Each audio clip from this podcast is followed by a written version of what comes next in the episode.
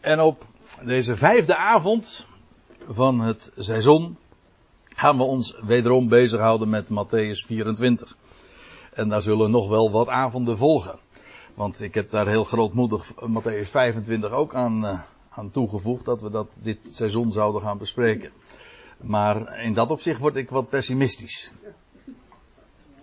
Maar we zullen zien hoe ver we daarin komen. Ik heb daarin verder geen planning. Dat is het, uh, wel weer het gemak van, uh, van een type studie als deze. Dat je gewoon vers voor vers, zinsdeel voor zinsdeel door de schrift heen gaat. Wat dat betreft is een, een, een thematische studie, zoals we dat het vorig seizoen hebben gedaan. Over chronologie heel wat lastiger. Hoe deel je dat dan in en naar welke bijbelgedeeltes ga je naartoe? Afijn, de tweede bergreden, want dat is de naam van deze, van deze serie studies. De reden die de Heer heeft gehouden op de Olijfberg. En dat is wat u ook op dat plaatje dan ziet uh, uitgebeeld. Dat ze kijken naar de stad Jeruzalem, toen de tijd nog met die geweldige gebouwen van de tempel. Uh, de Heer had zojuist, misschien is het goed om daar nog eventjes aan te herinneren. De Heer had voor Matthäus 24, we hebben dat met opzet ook uh, in de eerste avond en meteen ook bij betrokken. De Heer had zojuist afscheid genomen van Jeruzalem. Hij had een vlammende reden gehouden, het zevenvoudig wee. Dat was echt geen zoetsappige preek, kan ik u vertellen. Matthäus 23. Een striemende reden naar de, ja, aan het adres van de, de orthodoxie, de leiders, de schrift. Wee u schriftgeleerden en fariseeën, gij witgepleisterde graven. Nou ja, dat soort taal. Dat is niet echt vriendelijk en vlijend. En toen zei de Heer, dat, was een, dat is een van de laatste versen van Matthäus 23. Jullie zullen mij niet meer zien. Het was, het was zijn laatste publieke optreden. Jullie zullen mij niet meer zien. En dan staat er achter. Totdat. Totdat. Gij zult zeggen, totdat jullie zullen zeggen, gezegend hij die komt in de naam van de Heer. En dat is een citaat uit Psalm 118. Dat is zo'n Messia, Hosanna. Dat wil zeggen, geef toch redding. Wel, dat, als Israël dat zal gaan zeggen. En dan zal hij weer zich laten zien. Dus er zit een totdat in. Besloten. Dat is interessant, ik, uh, ik, ben daar nogal mee bezig. Aankomende zondag spreek ik in Zoetermeer. En dan, dan ga ik het hebben over vergeten totdats. Ik weet nog steeds niet of het totdats of totdatten zijn. Uh, wat is het, Hans? Hè? Toch wel. Nou ja, in ieder geval vergeten totdats. En één zo'n vergeten totdat, dat is dat totdat in in Matthäus 23. Nou, daar gaan we het ook zeker nog over hebben. Maar in ieder geval, de Heer zou een tijd lang dus voor hen verborgen zijn. Is, ze zouden hem niet zien. In de fysieke zin niet, ook in de geestelijke zin trouwens niet. Maar er, er komt een moment dat Jeruzalem hem zal zien. En dan zegt hij, zie, uw huis wordt, uw huis, de tempel, wordt leeg, wordt aan u overgelaten. En dan gaat hij, naar aanleiding daarvan, uh, vertrekt hij de stad uit en dan gaat hij zitten op de olijfberg en, en dan wordt hij, zijn discipelen showen, uh, ja, laten hem dan, uh, waarom zeg ik het nou op zijn Engels? Ja, ze showen hem dus de, de, de, gebouwen en dan zegt hij, nou, zie, hij zegt, er blijft geen steen op de andere staan. En dat was natuurlijk een aankondiging van wat er precies 40 jaar later zou gaan plaatsvinden. Maar het was ook een aankondiging van wat uiteindelijk nog een keer zou gaan plaatsvinden. De totale verwoesting van Jeruzalem. En dan, en nou kom ik bij uh, even het volgende. In Matthäus 24 beantwoordt Jezus een aantal vragen. En die vragen worden gewoon ook meteen in, wat is het, vers 2 of 3, naar voren gebracht. Als hij dan, als hij dan gezegd heeft, er blijft geen steen op de andere staan. Dan komen de discipelen met deze vraag. Wanneer is die verwoesting dan van Jeruzalem? Wanneer zal dat zijn? En wat is het teken van uw parousia? Dat is vraag 2. En van de voltooiing van de aion. Wat is het teken of wat, uh, wanneer is die voltooiing van de aion? Van deze aion, deze boze aion. En of eigenlijk komt het erop neer, wanneer begint de volgende, de komende aion? Zoals elke uh, gelovige orthodoxe jood ook weet, hè, die spreekt altijd over de Olam Hazeh, deze, deze, uh, deze wereld, deze Aion en de Olam Haba'a, de Aion die gaat komen. Dat is standaard taalgebruik. Nou, daar vragen ze naar. Wat is die transitie van de een naar de ander? Wanneer zal dat zijn? En, en wat is het teken daarvan? En dat het te maken heeft met de verwoesting van Jeruzalem, dat is een duidelijke zaak. Nou, die vragen stellen ze en Jezus geeft ook antwoord op die vragen. Nou, laten we eventjes nog een paar dingen daarover um, samenvattend over uh, opmerken, die we tot dusver hebben vastgesteld. Matthäus 24 heeft een heel uitdrukkelijk Joodse setting. Dat zie je bijvoorbeeld dat er verwezen wordt naar de heilige plaats in Jeruzalem, de tempel, het tempelterrein. Er wordt gesproken over wie dan in Judea zijn. En bid dat uw vlucht niet op een zabbat vallen. Nou, en ik geef zo drie van die voorbeelden, maar er zijn er nog veel meer te noemen. Het geeft allemaal aan dat we hier echt in een Joodse omgeving worden verplaatst. Wat ons ook niet hoeft te verbazen, want Matthäus was niet alleen een Jood, maar uh, dit evangelie staat ook helemaal in dat teken hè, van het, de koning en van het koninkrijk en wat daarmee zou gaan gebeuren. Nou, de aanloop naar het einde van die aion, en dat correspondeert dan weer met de zegels in openbaring. We hebben daar vrijwel een hele avond ook aan gespandeerd om die connectie te zien. Hoe het een samenhangt met het ander. De aanloop naar het einde van de aion, dat wordt gekenmerkt door een aantal dingen. En dan begint de Heer ook met te zeggen en te waarschuwen met de misleiding. Zie toe dat niemand jullie misleiden, dat, ja, dat niemand jullie misleiden. En als je dat dan de connectie aanbrengt met het boek Openbaring, zie je dat, dat, dat daar eerst ook, eh, voordat de grote verdrukking en de ellende begint, zal er een periode zijn van een geweldige vrede. Een messiaans lijkende vrede.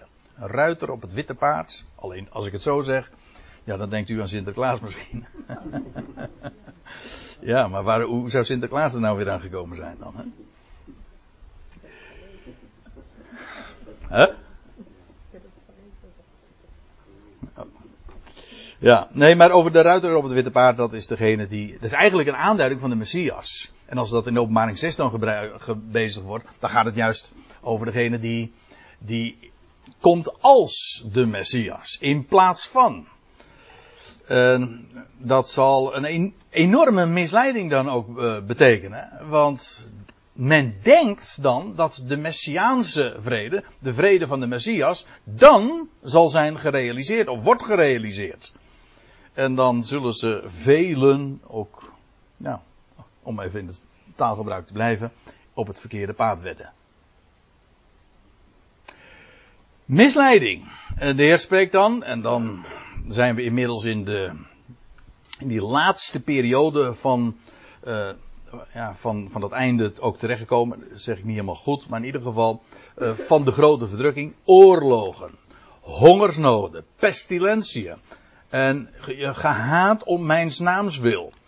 Maar dan ook het evangelie van het koninkrijk zal gepredikt worden in heel de wereld. Dit zijn allemaal van die gebeurtenissen of uh, fenomenen die zich zullen voordoen in aanloop naar het einde van de aion. Overigens, met name dit, of bij de laatste gegevens, heeft dan weer vooral te maken met wat er zal gebeuren als Israël eenmaal het verzameld zal zijn, hersteld zal zijn en het evangelie gaat prediken over het evangelie van het koninkrijk gaat prediken over de hele wereld. Dat is een hele aparte periode. Ik kom er straks nog eventjes op terug. Dan wil ik er nog eventjes iets eh, bij zeggen voordat we weer de draad oppakken. Uh, eventjes voor de indeling, want dat is even actueel voor vanavond. De eerste veertien versen, die zijn een algemene beschrijving tot aan de voltooiing van de Aion. Dat zie je aan vers 14, want dan staat er van en, en het al het eeuwige en dit wie, ge, wie volhardt tot het einde zal gered worden. En dit evangelie van het koninkrijk, dan weet je meteen wat het evangelie van het koninkrijk is. En dit evangelie van het koninkrijk zal gepredikt worden, geproclameerd worden in de hele bewoonde wereld. Zo staat het. En dan zal het einde gekomen zijn. Het einde van wat? Nou, het einde van dat waar ze naar vroegen, namelijk van de Aion. Dan, vanaf vers 15, dan begint een, een dan wordt er ingezoomd op, en dat begint dan met de oprichting van de gruwel van de verwoesting. We hebben daar al eh, het een en ander toch wel uh, al over gezegd. De gruwel van de verwoesting is eigenlijk een uitdrukking uit het boek Daniel. Moet je weten. Meerdere keren worden daar gebezigd. Feitelijk hebben zich in het verleden al, uh, nou vooral één keer heeft zich dat al voorgedaan in de, eigenlijk al voor onze jaartelling. Dat daar op het tempelplein het beeld van Zeus werd door een Antiochus uh, werd opgericht. En die de Joden toen dwong om, om dat beeld uh, van Zeus te aanbidden. Een varkensbloed te drinken. Afschuwelijke verdrukking is het toen ook geweest. Maar het was ook een gruwel van verwoesting. Toen was er een heldhaftige, waren heldhaftige Maccabeën. Die daar, uh, die dat alles weer hebben. Die de tempel, nee, de offerdienst weer hebben hersteld. Trouwens, binnenkort hebben we het feest van, uh, of we, viert het Jodendom het feest van Chanukka. Grappig genoeg, dit jaar valt Chanukka helemaal samen met kerst. Dat is, het valt altijd in de tijd van kerst, ongeveer, van eind december zo'n beetje. Maar nu echt, is 25 december is, begint het feest van Chanukka. Dat is wel apart, want Chanukka is ook het feest van de lichtjes. Hè? Dus dat valt wonderlijkerwijs toch wel dit keer ook samen. Maar Chanukka, dat is het feest van de vernieuwing van de tempel. Het wordt in het Nieuwe Testament ook genoemd. Het is allemaal naar aanleiding van die gruwel, van die verwoesting, die ooit in het verleden al is geweest. Dus uh, wat dat betreft, het Jodendom en Israël gaan die dingen dus meerdere keren zo beleven, zo in de loop van de historie. Dat wat er in het verleden heeft plaatsgevonden, is eigenlijk een type van wat er straks gaat plaatsvinden. Afijn, straks zal er weer opnieuw op het tempelplein, er zal een offerdienst weer komen. Let op, er gaat weer een offerdienst komen. Alles is in, in het Jodendom, Jodendom ook in beroering dat dat weer gaat gebeuren. Er gaat een offerdienst komen. Die offerdienst gaat gestaakt worden. We hebben dat, we hebben dat eigenlijk allemaal al uh, inmiddels gezien. Maar ik, uh, herinner u er gewoon nog even aan. De offerdienst zal gestaakt worden. En in plaats van die offerdienst die daar dan, dan weer zal zijn op het tempelplein. Wordt daar een gruwel, een afgodsbeeld opgericht. Dus we komen er daar vanavond uh, denk ik nog wel over te spreken. Er komt een afgodsbeeld daar op die plaats te staan. En dat luidt het begin van de grote verdrukkingen. Een afschuwelijke eh, verdrukking. En dat, eh, nou ja, daar begint de Heer dan over te spreken in Matthäus 24, vers 15. En dat loopt dan door tot en met vers 31. En dat gaat dan over het uiteindelijke herstel van Israël. De, de zoon des mensen die voor Israël zal verschijnen. En hij zal zijn uitverkoren volk verzamelen van de uiteinden des hemels. En ze brengen uiteindelijk naar het land. Het herstel van Israël. Is daarmee het, uh, uh, al het einde van de Aion? Nee, nee, nee, nee. Want dan is alleen Israël nog maar hersteld. Nou ja, nog maar. Maar in ieder geval, dat is het eerste aanzet. Hè. Dat is eigenlijk die day, om zo te zeggen. Dan heeft de koning met recht zijn voet gezet op aarde. En dan gaat hij zijn, zijn heerschappij uitbreiden. Vanaf zijn troon. Vestigt de zoon zijn heerschappij. Nou, dat is dan vers 15 tot en met 31 dat dat uh, bezien wordt. Maar we zijn nog maar bij vers, wat was het? Uh, 21. Dus we, daar pakken we nu dan uh, de draad uh, weer bij op. En dan moet ik er eigenlijk even bij zeggen, we, de vorige keer heb ik al wat over vers 21 gezegd, maar het leek me goed om, om daar nu weer te beginnen. Want, zegt de Heer, uh, dan zal er een grote verdrukking zijn. Een grote verdrukking zijn, zodanig als er niet is geschied vanaf werelds begin tot nu toe. En dat was die tijd van grote benauwdheid. Ik wil het nog even voorlezen. We hebben het, de vorige keer heb ik die link ook even gelegd, maar voor de goede orde. Als de Heer hier spreekt over een grote verdrukking, dan verwijst hij opnieuw, want al eerder had hij al verwezen naar de, naar de profeet Daniel. Wie het leest, geven er acht op, weet u wel. Opnieuw verwijst hij daarmee naar het boek Daniel. Want Daniel spreekt vrijwel, vrijwel in gelijkluidende termen over die periode. Want er staat er, te dien, da, te dien zal Michael, de aartsengel, de, de eerste engel, de aartsengel, de grote vorst die, achter de schermen, die de zonen van uw volk terzijde staat. Weet je meteen wie Michael is? Dat is die vorst. Die Michael gaat optreden. Geeft een signaal. En uh, ja, dat is die aartsengel. En als u het mij vraagt, dat is ook die aartsengel. Die uh, straks een signaal zal geven. Want het is namelijk exact dezelfde tijd. Op het moment dat de grote verdrukking begint, dat, dan, dat is ook het moment, vlak daaraan voorafgaand, dat de Ecclesia, die mannelijke zoon, wordt weggerukt. En als u nou vanavond hier voor het eerst bent, ik zie, ik zit, zo even de rijen door te kijken. Ik denk het eerlijk gezegd niet. Maar dan heb u wel wat gemist, want ik ga dat natuurlijk nu niet meer toelichten. Maar uh, er is, voordat die grote verdrukking, die periode van 1260 dagen aanbreekt, zal er een wegrukking plaatsvinden, zegt het boek Openbaring. Christus wordt weggerukt. Namelijk hoofd en lichaam. Zo gaat het bij een geboorte toch, hè? Eerst het hoofd en dan het lichaam. Nou. Dat is die tijd dat Michael zal opstaan, de grote vorst die de zonen van uw volk terzijde staat. En er zal een tijd van grote benauwdheid zijn. Nou, die grote verdrukking. Zoals er niet geweest is, sinds er volkeren bestaan tot op die tijd, tot op die tijd toe. Maar in die tijd zal uw volk ontkomen, al wie, is, al wie in het boek geschreven wordt bevonden. Die tijd. En als, daarover uh, spreekt dus de Heer in Matthäus 24. Het bouwt helemaal voort op de, op de profetieën van, ja, van, die de Hebreeën al kenden. De profeten van de Hebreeuwse Bijbel. Met name ook Daniel. Want er zal een grote verdrukking zijn, zodanig als er niet geschied is vanaf werelds begin tot nu toe. Ziet u? Dat is dus hetzelfde als sinds er volkeren bestaan tot op die tijd toe. Het is vrijwel een woordelijke overeenkomst. Als de Heer dat zo zegt. En ook niet meer zal geschieden. Probeer je even voor te stellen. Hoeveel verdrukkingen, hoeveel benauwdheid is er al in deze wereld geweest? Moet je eens even. Eh, ga alleen al, eh, hoeven we nog niet eens zo heel uh, ver in het, de historie te graven. Maar ga alleen eventjes terug naar de, naar de afgelopen eeuw. Aan de wereldoorlogen.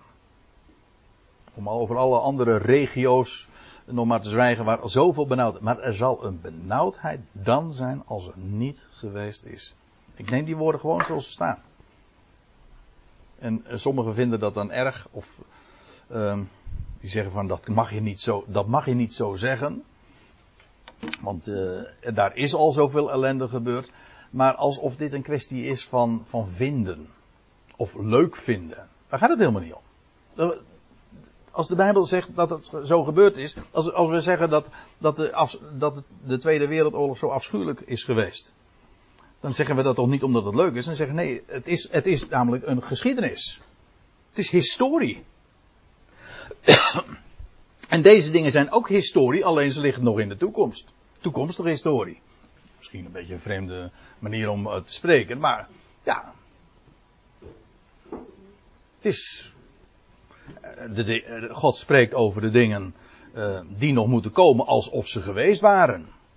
Met dezelfde, met dezelfde zekerheid waarmee wij over het verleden spreken, spreekt de Heer over de toekomst die het heden kent, zo zingen we er toch over, die het heden kent, en de toekomst overziet.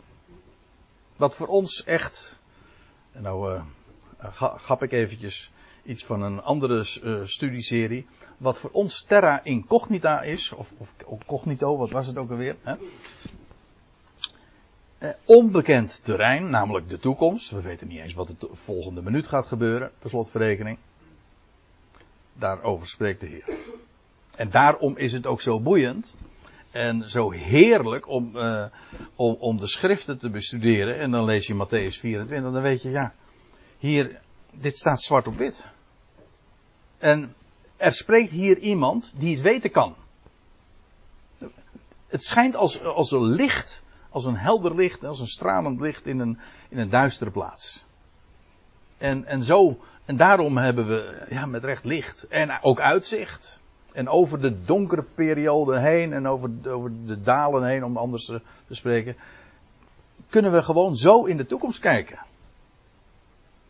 Dat is wat, als je, als je dat realiseert, wat, wat het is om profetie te hebben. Dat wat God voorzegt. En nou staat er iets, iets eigenaardigs, vers 22. Het, nou, eh, voordat ik op de eigenaardigheid wijs, wil ik eerst nog even erop wijzen op het feit dat het vers 22 wel heel sterk onderstreept hoe afschuwelijk die tijd zal zijn. Eerst, indien die dagen niet werden ingekort, geen vlees werd gered. Dat is één ding. Ja, we praten hier over gebeurtenissen die nu nog inderdaad moeten gaan gebeuren. En we weten trouwens ook, maar dat hadden we al eerder vastgesteld hè, bij de vorige serie. Ja, chronologisch ligt het allemaal gewoon in, in de zeer nabije toekomst. Twee millennia zijn nu voorbij, bijna. Zes millennia vanaf Adam gerekend zijn ook bijna voorbij, want dat loopt zo ongeveer synchroon. Dus hoe, hoe nabij uh, is dit alles? Dan zegt de Heer, indien die dagen van verdrukking dus. Hè, want daar heeft, hij. Er zal een grote verdrukking zijn. En dan indien die dagen van verdrukking niet werden ingekort. Geen vlees werd gered. Eerst even dit. Er wordt in het tweede deel gesproken over worden ingekort. En hier wordt over werden ingekort. Ik wil er toch even uw attentie voor vragen. Ze werden ingekort. Natuurlijk, het moet nog gebeuren. Die dagen moeten nog aanbreken. En dan zal ze ingekort worden. Maar ze werden al ingekort. En ook de vraag is dus, uh, waar? En ja, ik zou natuurlijk uh, kunnen, want ik, ik heb me zo uh, bij de voorbereiding toch wat ook bezig gehouden met, ja, uiteraard met de betekenissen. En dan lees ik zich ook zo af en toe wel eens een keertje wat andere uitleggingen. Maar ik zal u vertellen, de uitleggingen van dit, van dit woord zijn of heel wazig. nou, eigenlijk al vrijwel allemaal erg wazig. Dus ja, wat, wat, doen we dan, hè? Voor die vraag zit je dan wel eens. Wat, doen we nou? Zal ik, u, zal ik dan al alle verklaringen die hiervoor worden gegeven doorgeven? Of zal ik meteen maar de goede geven? dat klinkt heel arrogant. oh. Ja, ik zit aan het apparaatje, geloof ik. Nee, maar hij doet nog wat. ja, uh, nee, wat, nou, een van zo'n verklaringen die er uh, van gegeven wordt, is van, nou, dat als de schrift dus spreekt over 1260 dagen, uh, dan moet je dat, dan is die periode kunnen we wel weer vergeten, want ze, zijn in, eh, ze, ze, ze, worden ingekort. Dus het zal korter zijn dan 1260 dagen. Dat, dat is eigenaardig natuurlijk, want het wordt zo vaak in de schrift herhaald. Ook trouwens nadien nog, juist. Ik bedoel, in het boek Openbaring komen we die, die periode van 42 maanden, 1260 dagen weer tegen. Maar ze werden ingekort. In het boek Daniel wordt er al gesproken over bijvoorbeeld die tijd, jaar, jaren, een half jaar, drieënhalf jaar. Die periode is al een inkorting. Ze werd ingekort. De periode loopt door, maar om een of andere reden, daar gaan we het zo eh, over hebben, werd ze, ik leg even de nadruk op dat woordje werd, die periode werd ingekort. Namelijk vooraf in de schrift. En dat is maar goed ook. Want er staat hier nog iets bij. Maar vanwege, let op, maar vanwege de uitverkorenen. Uh, vanwege de uitverkorenen zullen die dagen worden ingekort. Ja. En die uitverkorenen, wie zijn dat? Ja. Kijk, ik, ja, ik heb hier meteen het antwoord erbij gegeven. Ik had, ik had het er eventjes even moeten wachten. uh, maar. Kijk, als je dit met een kerkelijke bril leest. Dan zeg oh, de uitverkoren, dat zijn de gelovigen, dat zijn wij. Nee, dan, dan verlaat je weer helemaal dat, die, die hele context waarin dit uitgesproken is. Het gaat hier over Israël, notabene het volk dat God heeft uitverkoren. Het uitverkoren volk. En ja, dat hoef ik u toch niet uit te leggen. God heeft zijn volk uitverkoren. Tientallen, misschien, nou, ik, ik vermoed van nog veel meer dat dat eh, zo eh, gezegd wordt. Het volk Israël heeft God, te midden van al die naties, heeft hij dat volk uitgekozen. En het wordt hem eh, door heel wat Joden en Israëlieten kwalijk genomen. Had hij niet een elk ander volk kunnen nemen. Zo, hè? Want zo'n pretje is het niet hoor, om uitverkoren te wezen. Ja, je kunt het, uh, het is maar hoe je het benadert. In, uh, als je Calvinistisch bent, dan, dan dan, dan denk je van, goh, ik moet, eh, dan ben ik wel uitverkoren. En dan is het ongeveer het, het summen, als je, als je aan het einde van je leven, zeg maar, toch de, voor jezelf de conclusie mag trekken van, ik ben een uitverkoren. Weet je wel, dat is, dat is dan ongeveer, nou ja, ik wou zeggen dat Walhalla van, nee, maar, maar dat is nou weer een, hè, waar, waar, waarom moet ik nou weer zo'n woordkeuze bedenken? Hè? Ik weet het niet. Maar nee, dat is, uh, sorry voor de oneerbiedigheid, maar dat is dan uh, het allermooiste. Maar een uitverkiezing, neem het woord gewoon wat het is. Wij denken bij een uitverkoren meteen al aan, aan, een hemelse bestemming. De schrift doet dat niet. Uitverkiezen betekent gewoon dit. Uitkiezen. Je kiest iets, of het is in die zin dus heel exclusief ook. Iemand wordt uitgekozen, of iets wordt uitgekozen, uh, en de rest niet. Nou, je hebt een, eh, je hebt een klas vol met kinderen en de, en de, en de, en de docent zegt van uh, jij en jij en jij mogen de boel opruimen. en, dan, en dan zeggen die leerlingen van uh, had je niet een ander kunnen kiezen. nee, ik bedoel, het, het is, hangt er nou maar net vanaf. Uitverkoren tot wat? Tot een bepaalde taak. En God heeft dat volk ook uitverkoren voor een speciale taak. Volk Israël is inderdaad dat uitverkoren volk. Trouwens, in dit geval hoeven we helemaal niet eens nog naar andere passages in de Bijbel. We kunnen ons gewoon zelfs uh, concentreren of gewoon beperken tot Matthäus 24 zelf. Want die uitdrukking, de uitverkoren of die frase, die komen we een paar keer tegen in dit hoofdstuk. Maar het meest sprekend wel in vers 31. Waar staat dat als hij zal komen. We, gaan daar, we komen daar vanavond zeker niet meer toe uh, om dat te bespreken. Maar dat uh, als de zoon, de Ben Adam, de zoon van de mens zal verschijnen. Dan zal hij zijn uitverkorenen verzamelen uit de vier windstreken. Van het ene uiterste van de hemelen tot de andere. En dat is een hele bekende uitdrukking. In, in Deuteronomium, in Ezekiel 34, 37 uh, vind je het. Hè, dat God zijn volk zal verzamelen van alle uithoeken van de aarde. En zal brengen, uiteindelijk, ja, eerst in de woestijn en later in het land brengen. Zijn uitverkorenen.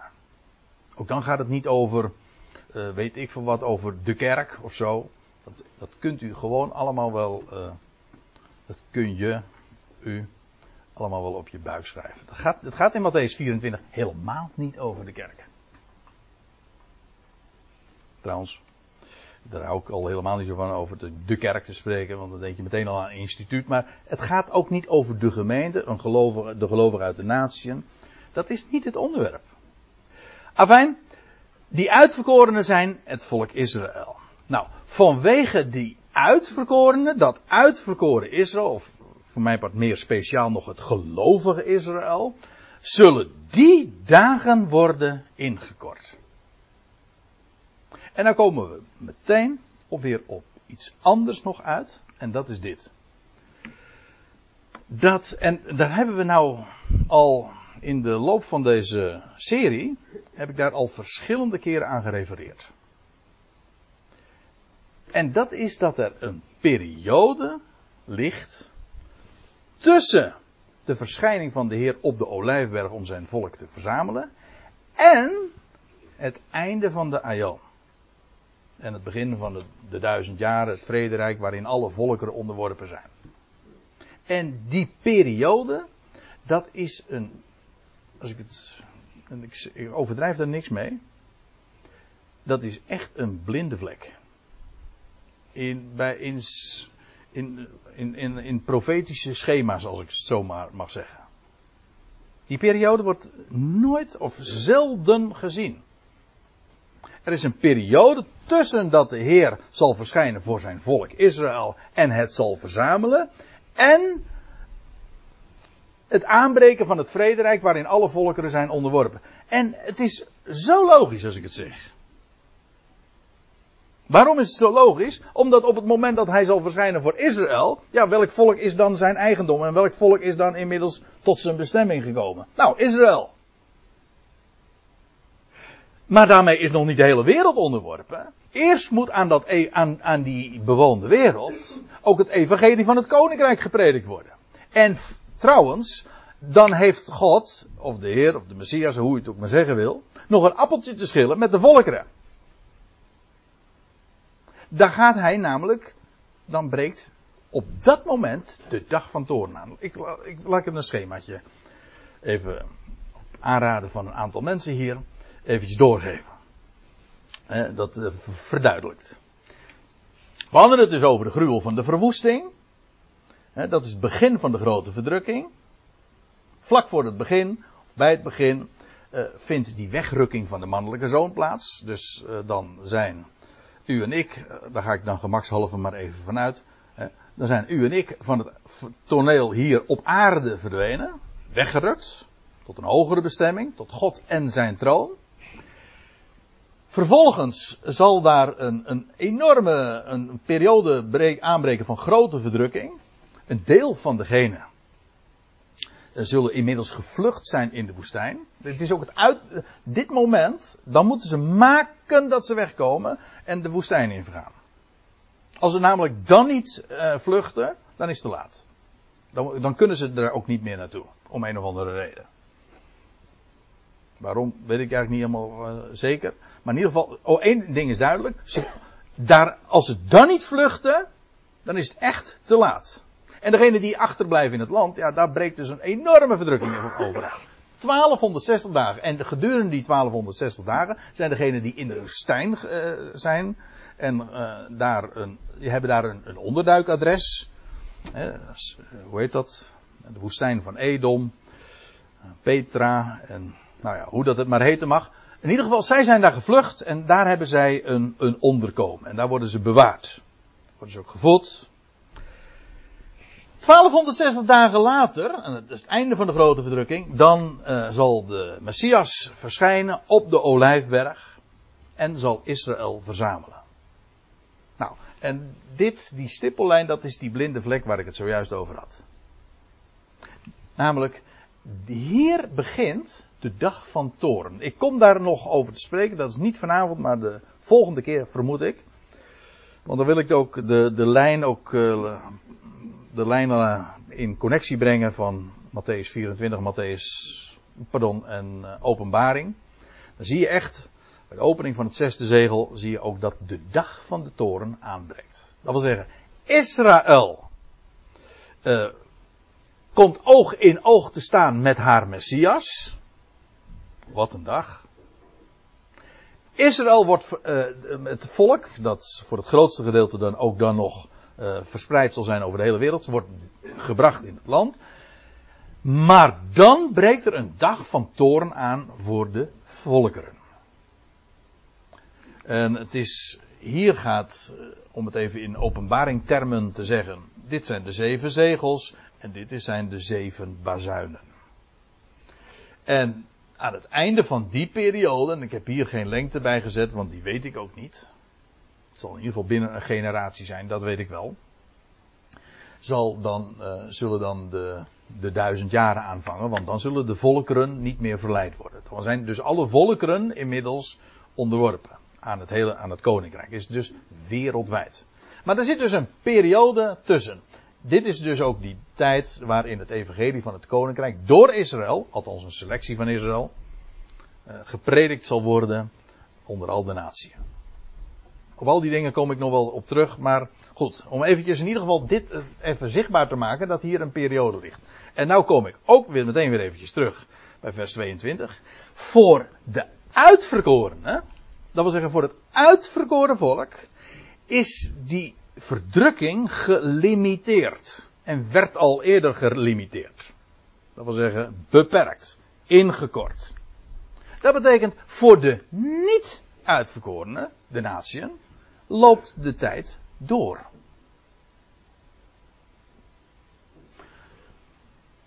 Want aan het einde van deze periode, die dus inderdaad echt gelimiteerd is en tot op de dag nauwkeurig is vastgelegd, gefixeerd is, is daarmee dus uh, de, de verdrukking en de ellende en de benauwdheid over? Nee, helemaal niet, want dan gaat de dag van van toren aanbreken. Alleen, dat is niet voor het uitverkoren volk, dat zal juist zijn voor de niet uitverkorenen dus, de natieën, de volkerenwereld. En dat is deze periode. Voor Israël is het dus ingekort, maar voor de volkeren loopt het dan door. Of, en in zekere zin begint het hier pas echt. In ieder geval de dag van toorn is dan begonnen. Als de Heer verschijnt, en dan gaat hij het op, en dan zal hij het ook opnemen voor zijn volk, en dan gaat hij strijden tegen de volkeren. Misschien dat ik daar zometeen nog over kom te spreken. Nou ja, dat weet ik niet meer. In ieder geval. ik ga even verder. Vers 23. Eh, is dat duidelijk trouwens wat ik nu gezegd heb? Over dat inkorten van die dagen? Dat, als dat niet de betekenis is, eh, en ik, ik kijk eens ik, uh, wat ik vertel, ik, ik, geef alleen maar door, ik, dat is de disclaimer, die ik er eigenlijk altijd bij geef. Uh, ik geef door datgene wat ik zie of mag zien, en, en het is aan u om dat dan vervolgens te beoordelen. Maar ik, ik moet zeggen, als ik dit zo vertel ook, dan zeg ik ja, it makes sense. Hè? Het is heel logisch en, en ook uh, in connectie met de rest van de schrift klopt dit. Indien, vers 23, indien dan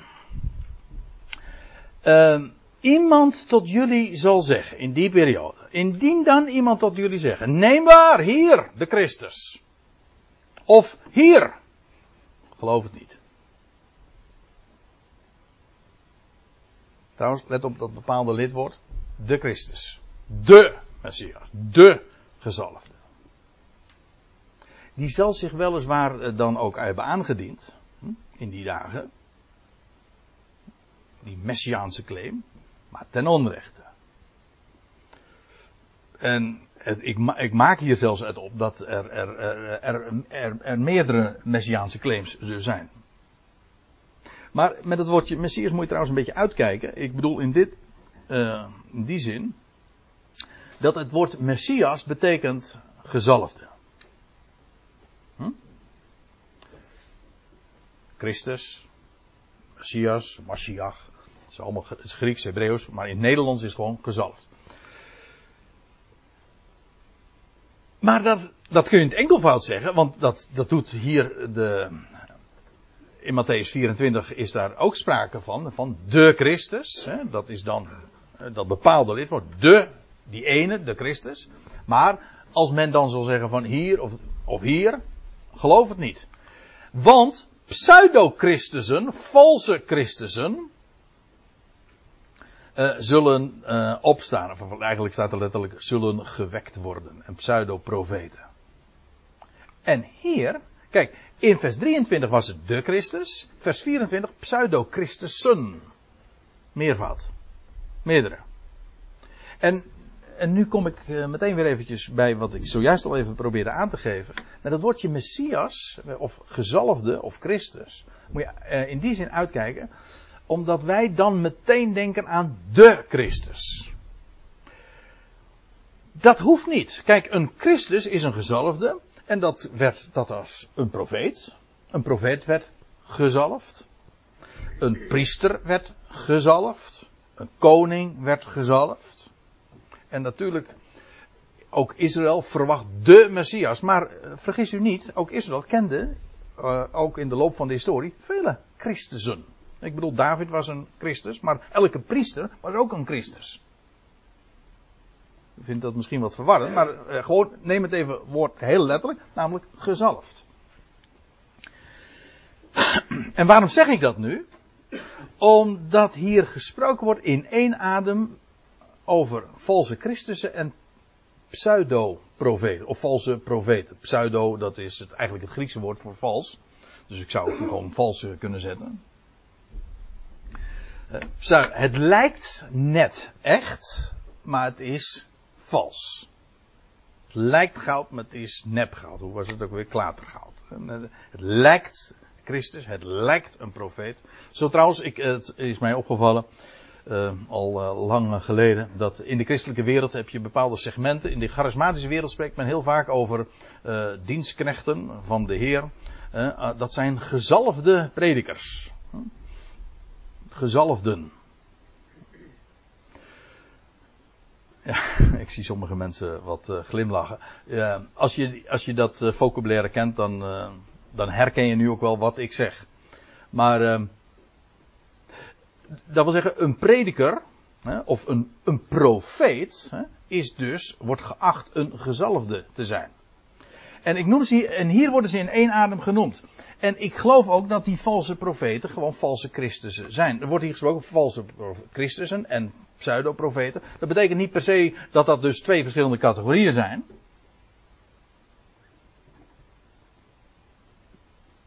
Uh, als daar bijvoorbeeld staat. Uh, uh, ik noem maar wat. Wat Paulus zegt. Ehm, de God en Vader van onze Heer Jezus Christus.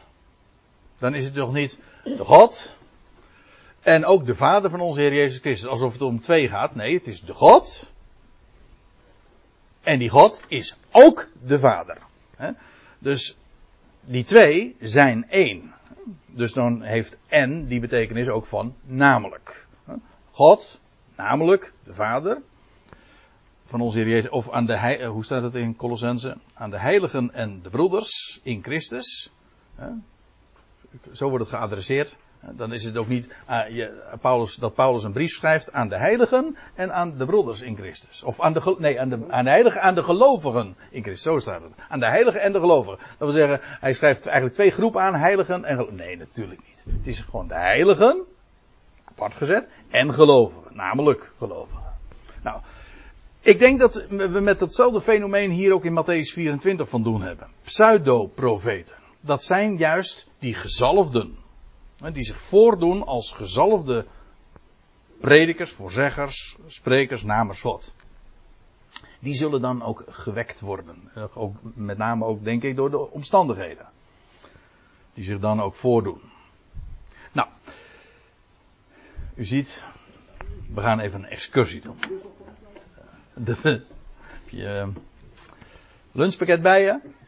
Een, we gaan even een excursie doen, want uh, dat wil zeggen even, een uitstapje naar uh, een, een, begrip dat eh, heel vaak gebezigd wordt, dat nogal eens een rol speelt, dat als we het hebben over de profetieën en over de tijd van het einde, dan, dan wordt er gesproken over de antichrist. Het opmerkelijke is dat het woord antichrist eigenlijk nooit een rol speelt in, in echt de profetische boeken. In de openbaring vind je het niet terug. In Matthäus 24 vind je het niet terug. Je vindt het in de Daniel of zo, of een van de Hebreeuwse profeten, totaal niet terug. Je vindt het alleen in de brieven van Johannes. Dat is de helft van het verhaal hoor, wat ik er nu bij zeg. Maar er wordt nog eens over gesproken. Wie is nou eigenlijk die antichrist? En dat blijkt, nou loop ik eventjes vooruit, maar dat blijkt inderdaad een valse profeet te zijn. Laten we eerst eens eventjes uh, naar een paar passages gaan. Nou ja, de passages waar die term gebezigd wordt. Lijkt mij in, in dat hele kader van Matthäus 24 waar we het over hebben. Wie is nou eigenlijk die antichrist? En hier, als we het hebben over Matthäus 24 vers 24, hè, over die pseudo-christussen, pseudo-profeten. Is dit het moment, lijkt mij, om eens eventjes ook die vraag erbij te betrekken. En ik ga eerst eventjes naar 1 Johannes 2 vers 18. Het is de eerste keer dat Johannes die uitdrukking bezigt. Kleine kinderen, zegt hij dan, het is, als u de MBG-vertaling hebt, dan staat er, het is de laatste uur. De laatste uren. De, kun je doorstrappen, staat niet de. Staat geen bepaald lidwoord, in Grieks staat er dan helemaal geen lidwoord. Die kent maar één, het is een bepaald lidwoord of geen lidwoord. Dus het is een laatste uren. Niet de laatste uren. Maar het was wel, toen Johannes dit noteerde, een laatste uren. Ja, kleine jongens en meisjes, ja. Ja, ik heb maar voor het gemak even kleine kinderen van gemaakt. Het is een, het, maar het is een laatste uur. Vergis je niet, die hele periode van de apostelen, van de ja, dat de apostelen leefden, dat was een laatste, een laatste uren. Of was het maar omdat het was die generatie van die, die 40 jaren, van het jaar 30 dat de Heer dit sprak, gekruisigd werd, opstond, tot aan de verwoesting van Jeruzalem. Dat was die periode. Een laatste uur. Om meer, trouwens nog meer redenen die ik nu, dan, uh, die ik nu noem. Maar het is een laatste. Nou, ik, eventjes, ik moet de zaken blijven. En zoals jullie horen, dat een antichrist komende is. Aha, er, er komt een antichrist. Dat, eh, dat, daarvan hadden ze vernomen, dat wisten ze. Dat is die ene dus. dus er komt een, een specifieke antichrist. Uh, ook nu vele antichristen zijn opgetreden. Dat schrijft Johannes in zijn dagen. Hij zegt waaraan wij weten dat het een laatste uur is. Dat is karakteristiek. Een laatste uur, daar horen antichristen bij. Oké, ik lees even verder. Drie versen verder. 1 Johannes 2, vers 22. Dan zegt hij: Wie is de leugenaar? Indien dat niet is de logenende dat aanhalingstekens openen, Jezus is niet de Christus. Hij zegt, dit is de antichrist die logent de vader en de zoon. Hij zegt, uh, hij ontkent dus Jezus als de Christus. En hij logent de vader en de zoon. Eigenlijk is dat ook relatief, want als je, je hebt geen vader zonder een zoon en je hebt geen zoon zonder vader. Hè? Als je het ene niet hebt, dan heb je het andere ook niet.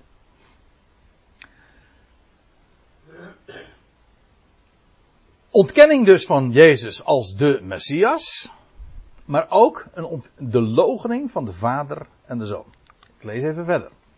We gaan nu naar 1 Johannes 4, vers 1. Dat zegt Johannes, geliefde vertrouwt toch niet elke geest. Maar test de geesten of ze uit de God zijn.